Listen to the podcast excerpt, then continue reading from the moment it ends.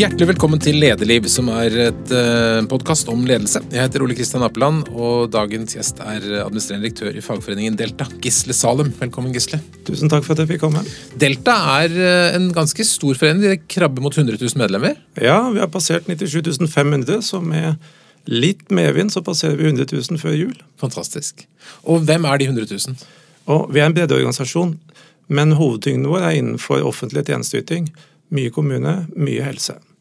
Og så er det slik at dere er en partipolitisk uavhengig, eller en upolitisk organisasjon? Ja, det er korrekt. Vi, eller dere er kanskje politisk, men partipolitisk? Vi jobber politisk, ja. opp mot storting, opp mot partier. Men vi har ikke noe tilknytning til et politisk parti, sånn som en del andre fagforeninger har. Så vi, er, vi gir ikke partistøtte, f.eks.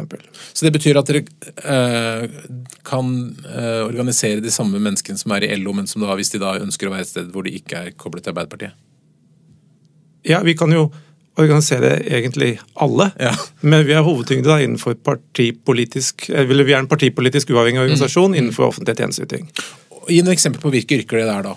Ja, Det er nesten alle som jobber på sykehjem, eh, aldershjem, inne i kommune.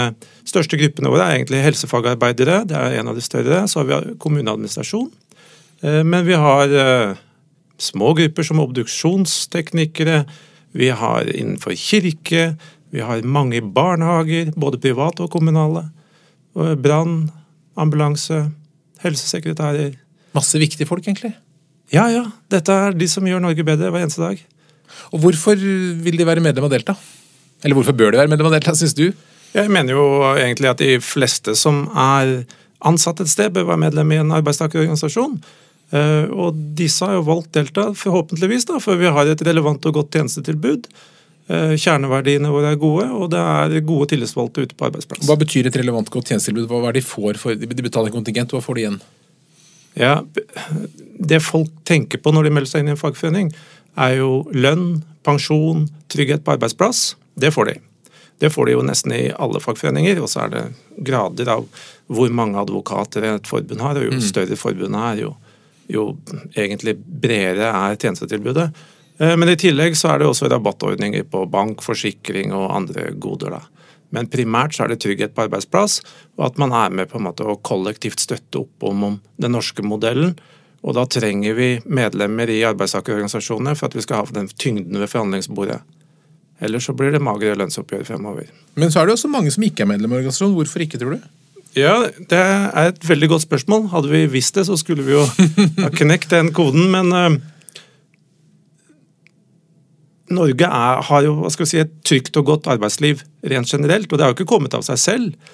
Men når vi først er der, så er det vanskelig på en måte å synliggjøre verdien av det som egentlig har vært kjempet frem.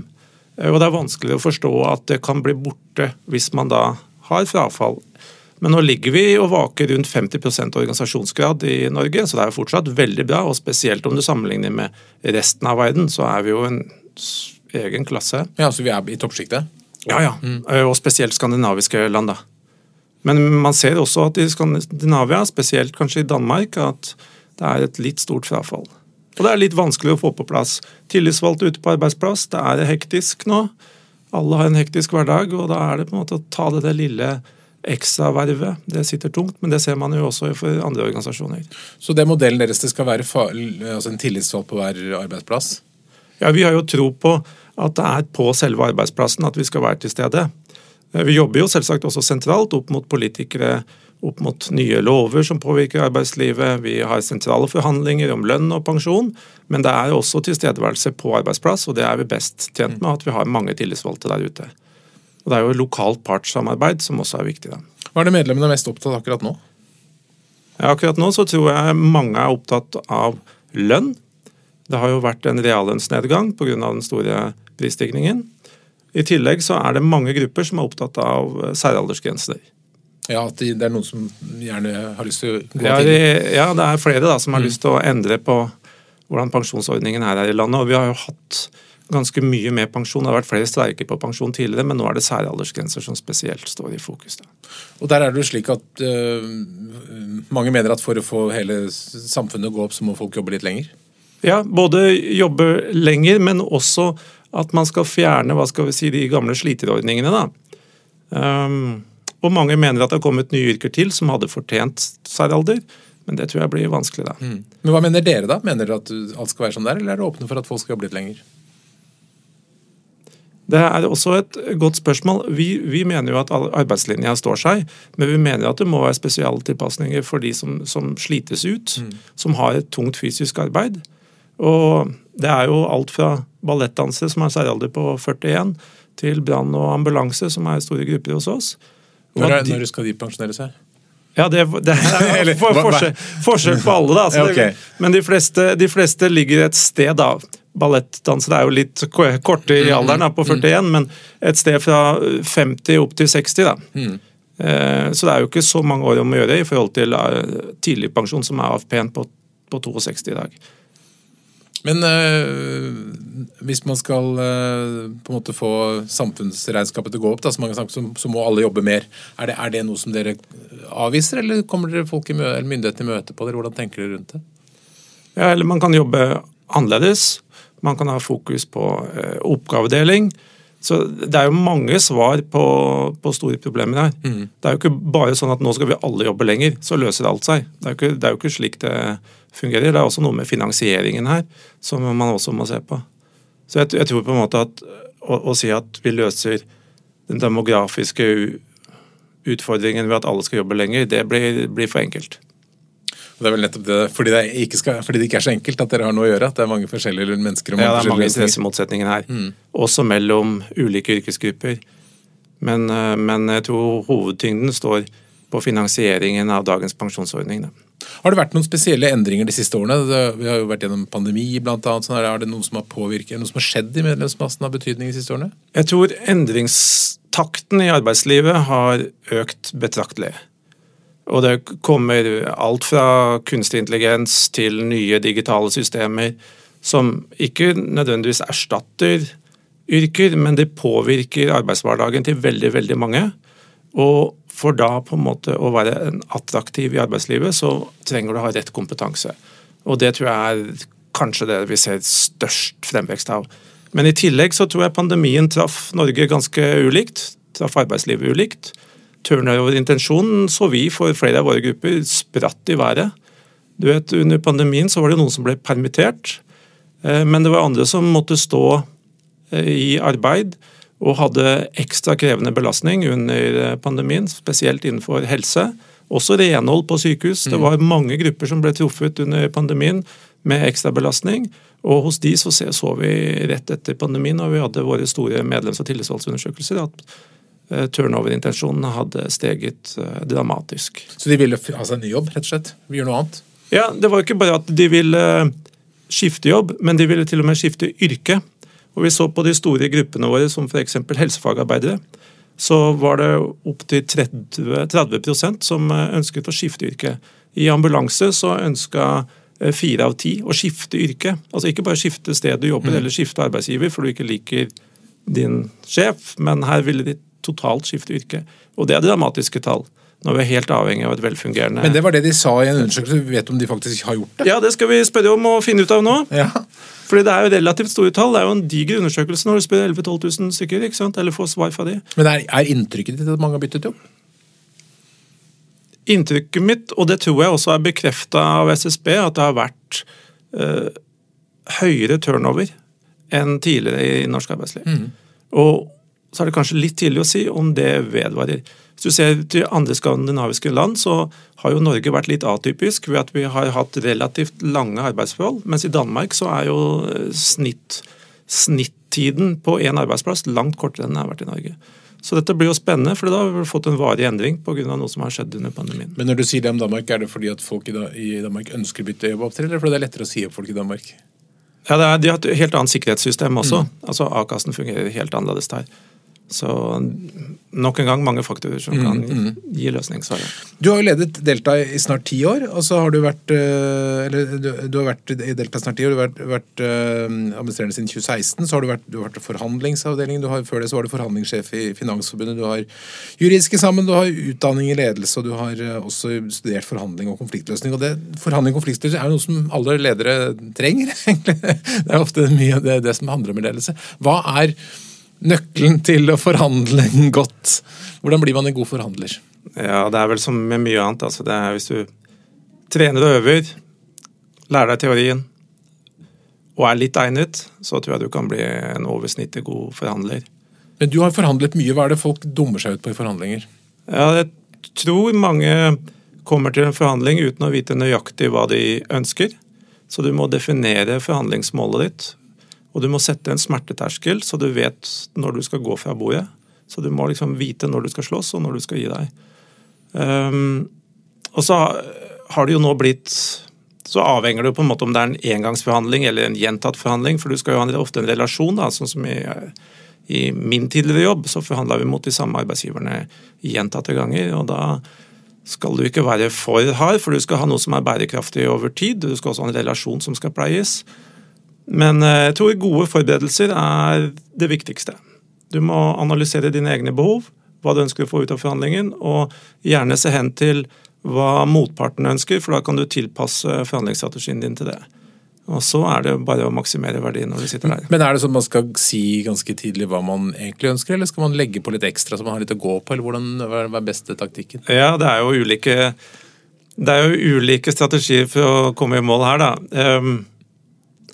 Det er ofte diskutert da, om det lønner seg å være den første til å legge fram tilbudet, og da på en måte begrense forhandlingene til, til ditt utgangsbud. Da. Mm. F.eks. hvis du starter på 50, og du hadde egentlig kunne gitt 70, så dreier du forhandlingene rundt 50. Da. Det er en taktikk. Men mm. motsvaret er jo at du bare ignorerer førstebudet til, til motparten. Mm. Så, så jeg, jeg, tror jo at det beste det beste hvis det er flere forhandlingsobjekter som skal løses, f.eks. sånn som det er i et hovedoppgjør, hvor du forhandler både om tekst og lønn, at man legger frem på en relativt velbegrunnet måte de behovene man har. Og så synliggjør det i en ikke-prioritert rekkefølge. I en ikke-prioritert rekkefølge? Ja, Hvorfor for Hvis du synliggjør for tidlig hva som er viktigst for deg, så er det lett å spille på det. da. Ok, ja. Så man skal ikke helt vise man, hvor man har noe å gi? Nei, det, jo, det, jo, det avhenger jo litt mm. hva slags forhandling, men når du holder på noen dager, så har du god tid til det. Mm. Men er det slik når du i, sikkert i mange sammenhenger har forhandlet med de samme menneskene over tid, lærer du deg hvordan uh, ulike mennesker er? Har, man, har, man et, uh, har hver av oss et mønster hvordan vi er i forhandlinger? Ja, det tror jeg. Og personlighet spiller inn på hva slags forhandlingstype du er. Noen blir lettere sinte og, og emosjonelle enn andre. og men alle kan la seg påvirke i en eller annen retning, tror jeg. Også meg selv. Mm. Men du, du, har jo også forhandlet konfliktløsning, det er jo kanskje to sider av samme sak. Men det, det er jo mange konflikter og uenigheter. Ikke, ikke, bare, nå tenker jeg ikke lønnskonflikter, men på, det er masse arbeidsplasser hvor det er uenighet om ting. og sånn. Hadde verden vært bedre hvis eh, flere hadde vært gode til å forhandle? Jeg tror at man kanskje kunne ha fått til bedre løsninger for begge parter hvis man hadde vært bedre til å forhandle. For det er ikke alltid at partene kommer opp med det som hadde vært den beste løsningen. Altså Det kan være tapt verdi på begge sider hvis man kommer til feil løsning. Mm. Og der tror jeg kanskje at mange kunne lært mye fra fagforeninger og i og for seg arbeidsgivere da, som har gjort dette i mange år. Hva ville være hovedpunktene hvis, man, hvis vi var på en arbeidsplass og det var uenighet om en sak? Si vi var her, da, så er vi uenighet for eksempel, Det er det ikke, men hvis det har vært uenighet om hjemmekontor, f.eks. noen vil jobbe hjemme hele tiden, andre vil ikke jobbe hjemme. Det er en ganske vanlig problemstilling på en arbeidsplass. Hvordan forhandler man godt om det? Ja, hvis vi skal bruke teorien først, da, så Det beste hadde vært å komme frem til det som så vakkert kalles en Pareto-optimal løsning. Da har du da på en måte en fremforhandla løsning som ikke kan kan gjøres eh, bedre for noen av partene uten at det, det senkes en verdi. Da. Og, og, her tror jeg på en måte du måtte bare ha synliggjort ditt behov som arbeidsgiver. Gjerne da, siden folk tror at de er mer effektive på, med fjernarbeid, hjemmekontor, at kanskje ikke det alltid er tilfellet. da. Fordi det er ofte en slags illusjon som står bak noe av kravene. Og så må det og Hvis det er en reell forhandling, så kreves det jo enighet fra begge sider. Her opplever jeg vel at det kanskje hadde vært mer en drøfting. da. At du hadde lyttet, og så hadde du satt løsningsforslaget. Men jeg hadde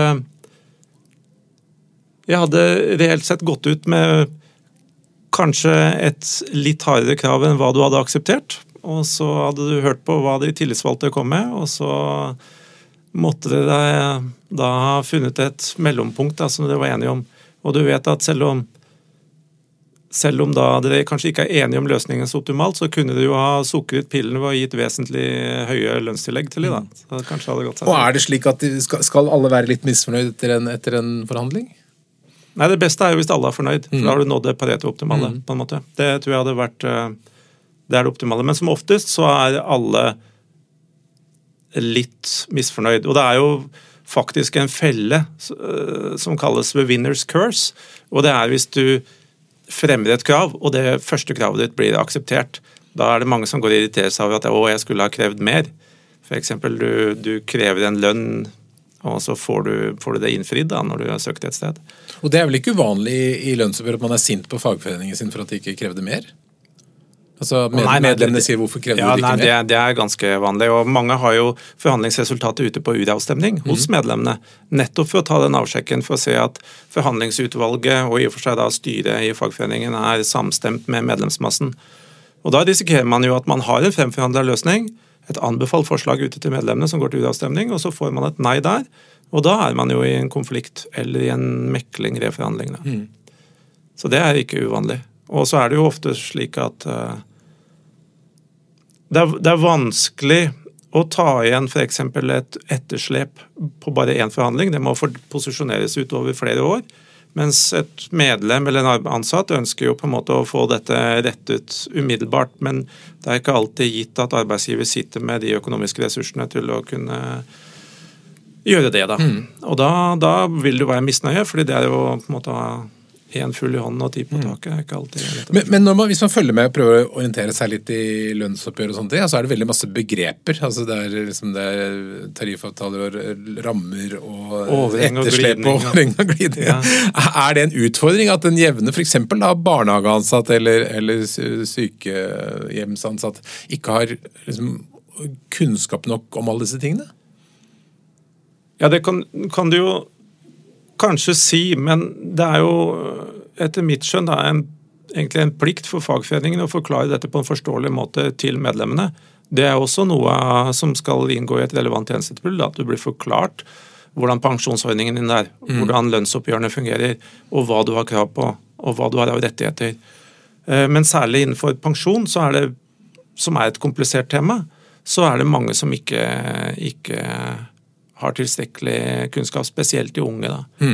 Og pensjonsopptjening er jo viktig i disse dager. Så. Og der opplever jeg Jo mer man leser om pensjon, jo mer forvirra blir man, nesten. Ja, og her er det en snever det er en snever personmengde som kan dette virkelig godt.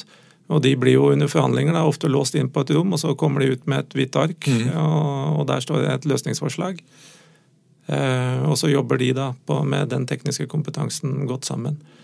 Men her Pensjon er veldig viktig. Det, det skal vare i mange år for folk, så jeg, jeg skjønner at eh, at folk blir litt frustrert, at det er for komplisert. Eh, og dette er også et, hva skal vi si, et lovgiverutfordring. Da. Det er jo ikke bare partene i arbeidslivet som står bak dette. Men det har vært mye flikking opp gjennom årene.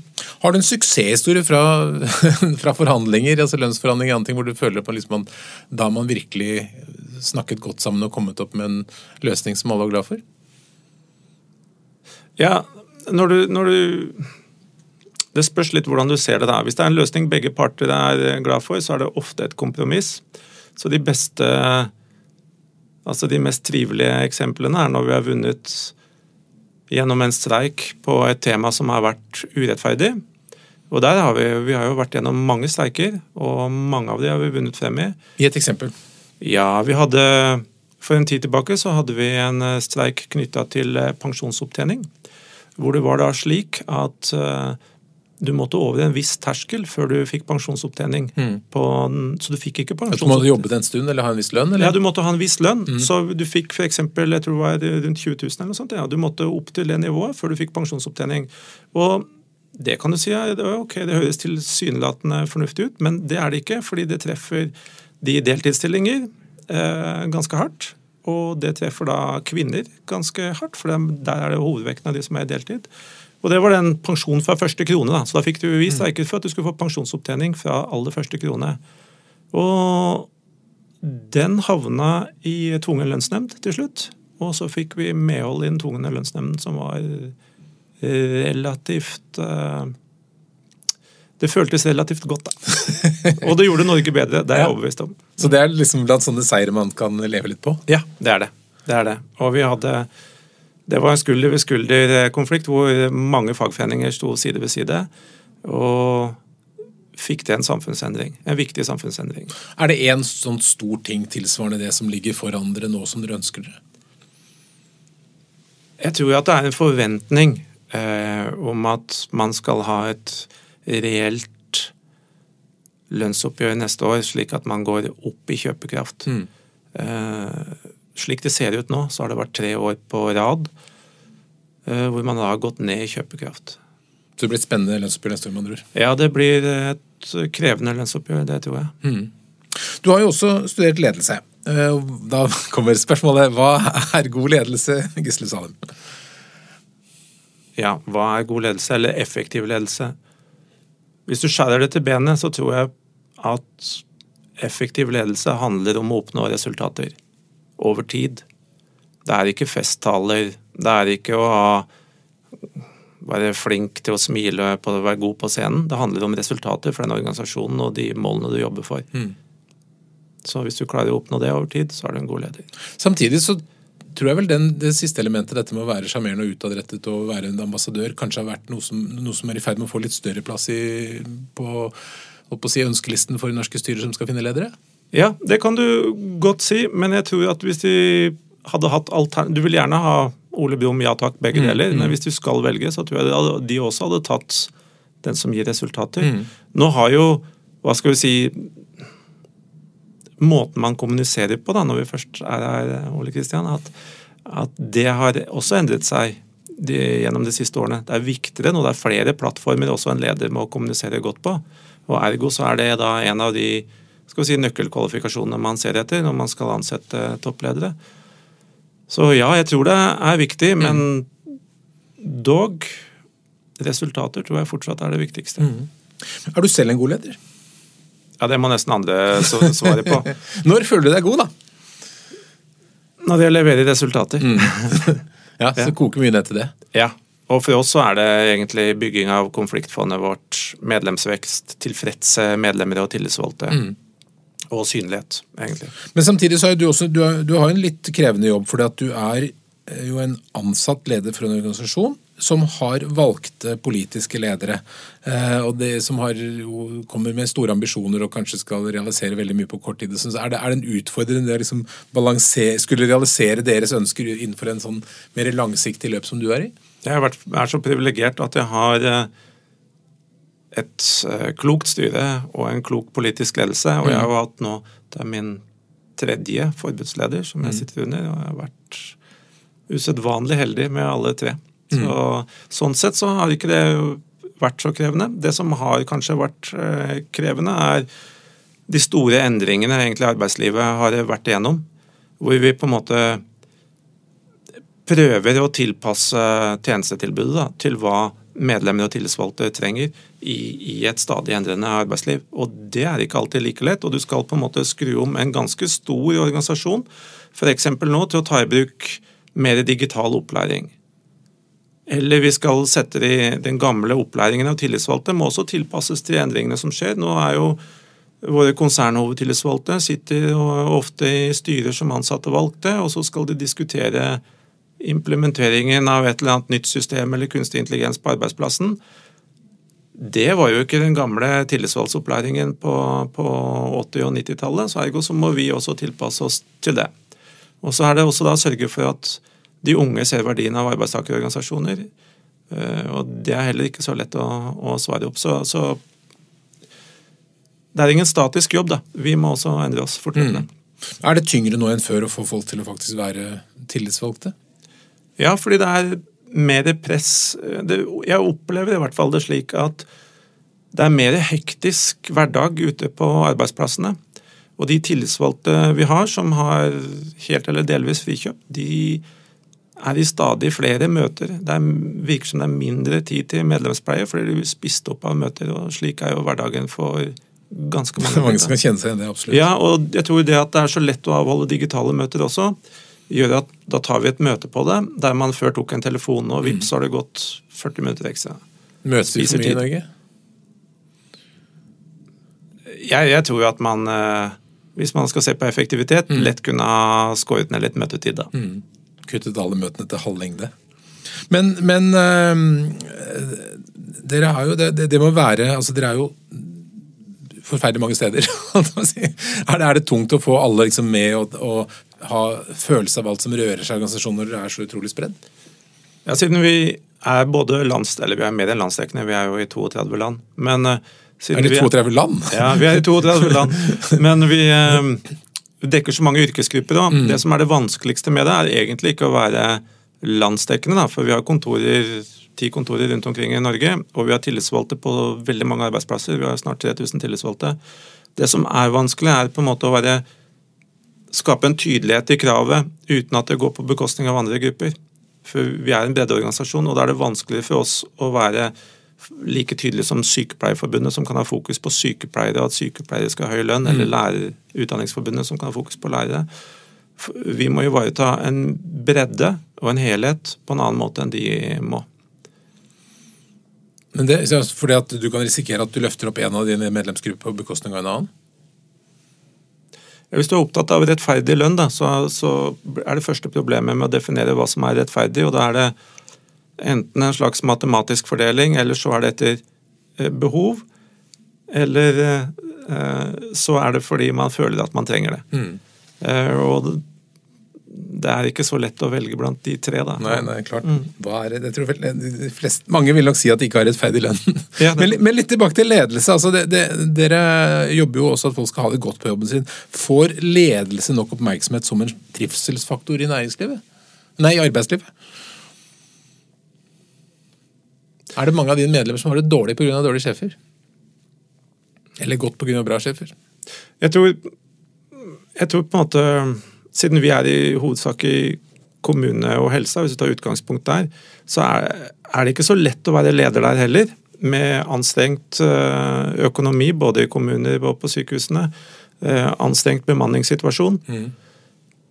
Så jeg tror rammebetingelsene for det å være leder i dag er vanskelig mange, mange steder. Så jeg tror det blir for enkelt å bare skylde på hva skal vi si, på enkeltlederen.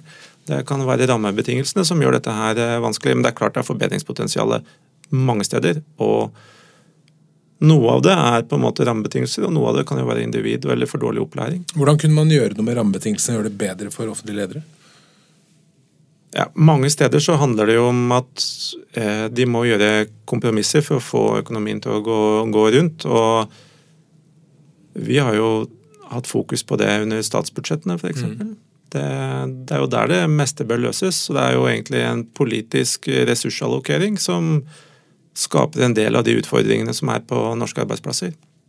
Men nå øh, er det jo mye snakk om øh, øh, åpenbart kostnader i offentlig sektor, hvordan offentlig sektor skal løses videre, hvor mye oljepenger vi skal bruke osv. Er dere en kraft i det å effektivisere mer og på en måte få mer for pengene i offentlig sektor? Kan Delta bidra, eller vil dere bidra til det? Ja, vi, Det settes jo ned kommisjoner som utreder de store samfunnsutfordringene. F.eks. Mm. Helsepersonellkommisjonen hadde jo en rapport der, var jo Delta satt i selve kommisjonen med Lissi. Uh, og vi prøver jo å bidra inn på best mulig måte. Oppgavedeling som en løsning der, f.eks. Det spilte vi jo inn. Og, Hva betyr det? Det betyr at du ikke nødvendigvis da trenger å ha den høyeste kompetansen. Altså at leger trenger ikke å utføre en jobb som, eller en oppgave som en helsefagarbeider kan gjøre, eller en syk, sykepleier trenger ikke å gjøre en oppgave som en helsefagarbeider kan gjøre. Uh, og da får du en mer hva skal vi si, ressurseffektiv uh, arbeidsfordeling. Mm.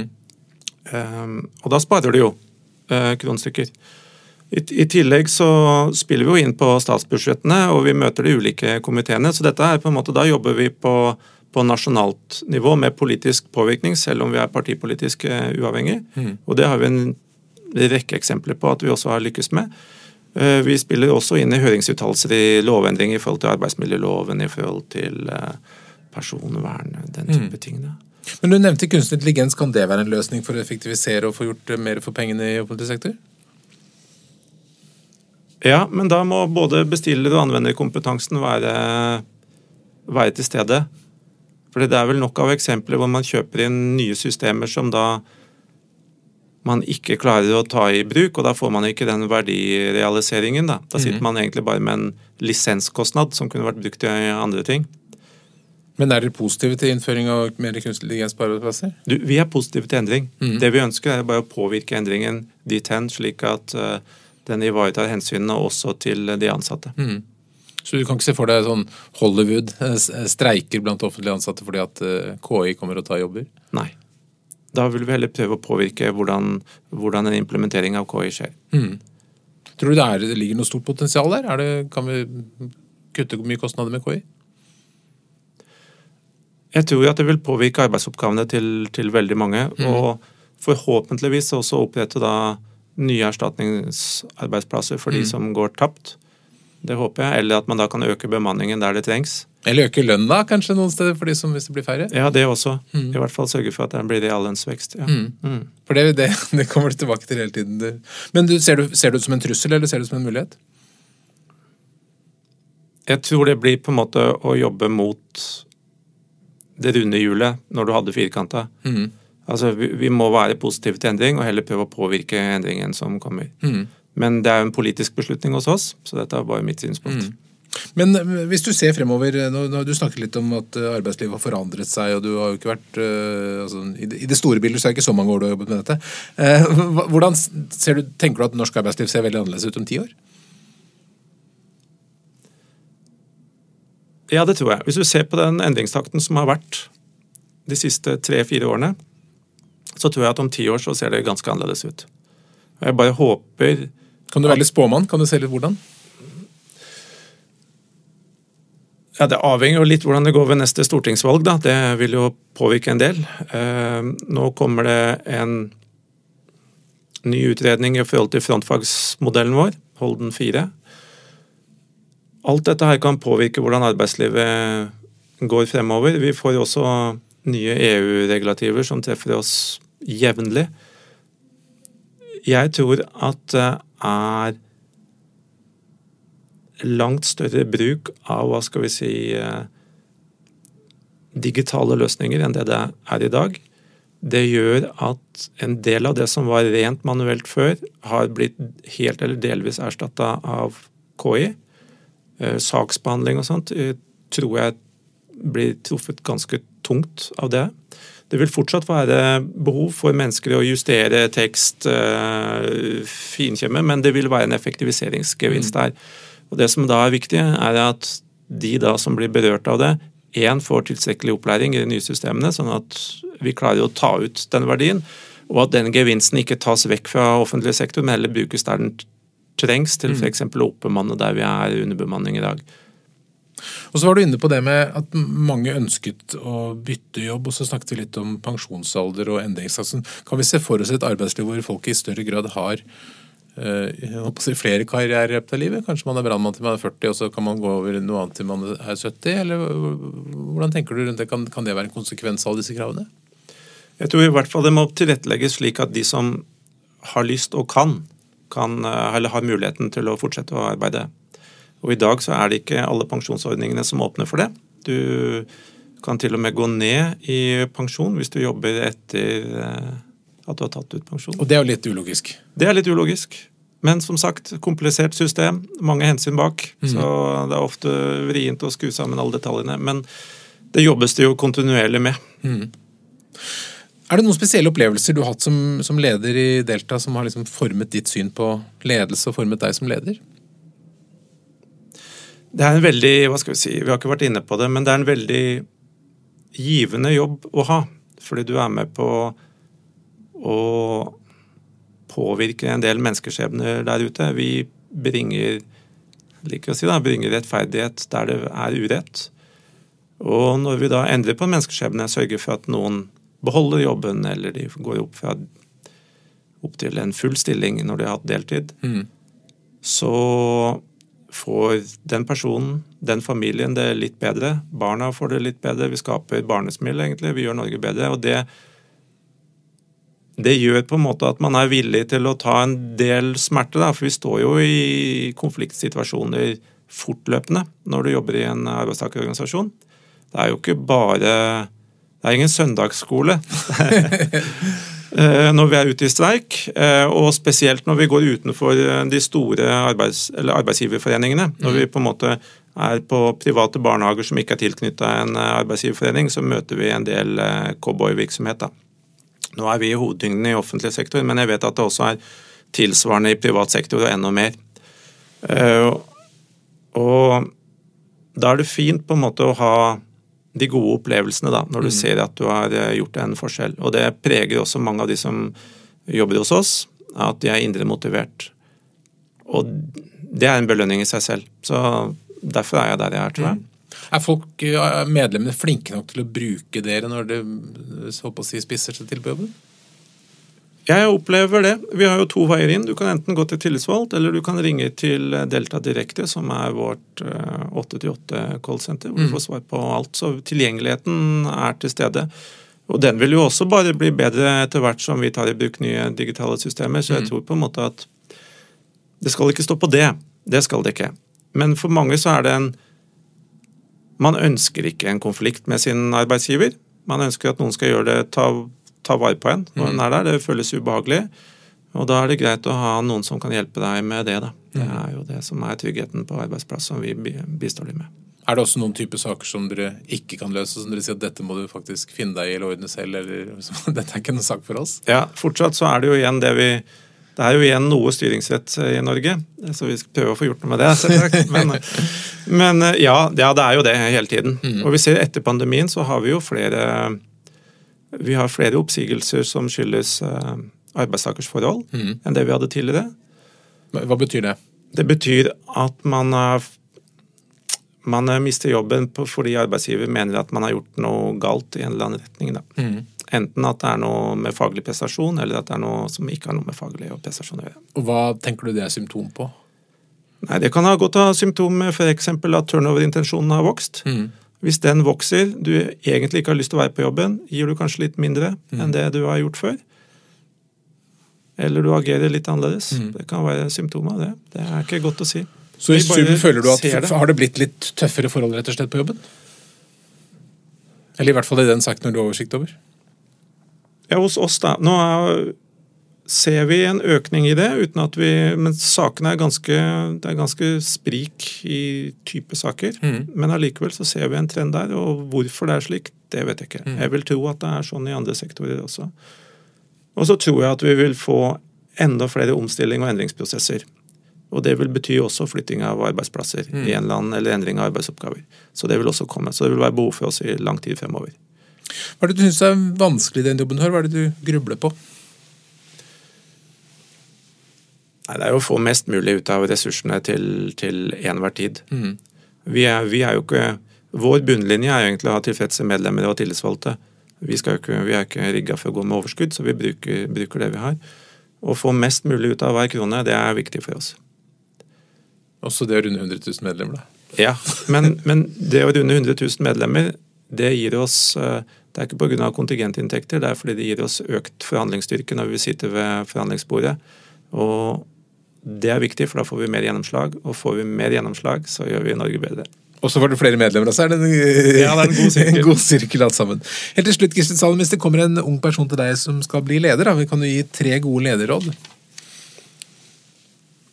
Ja, det Første må være at man må legge en plan, tror jeg. Okay. Du, må, du må legge en plan.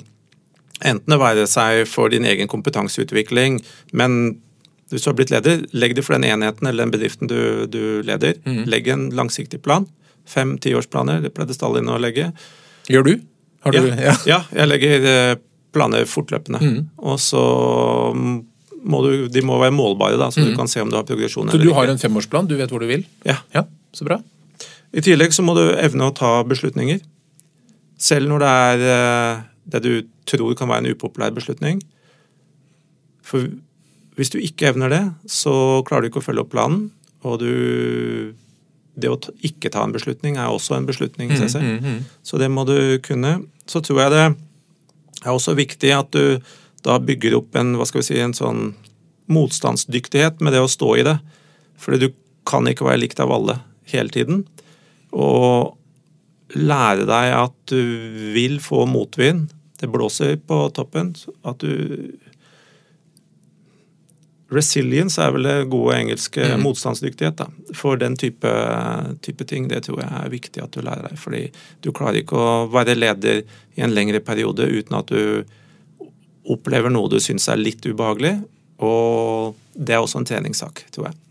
Da Så kan hvis- du ha noen år som forhandler først, for da får du nok av det. Så hvis man ikke møter motstand eller motbør, så kan det kanskje være et tegn på at man har litt for lave ambisjoner rett og slett på vegne av organisasjonen?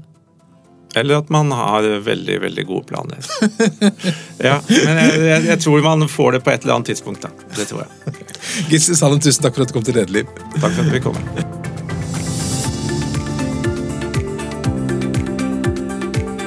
Lederliv er en podkast fra Apeland. Redaksjonen består av Ingrid Hogneland, Johanna Eidsvoll, Lars Jarle Melum og meg som heter Ole Kristian Apeland. Og du er hjertelig velkommen til å sende ros, ris, tips om ledere eller hva du måtte ønske til ole.apeland.no. Takk for at du lytter.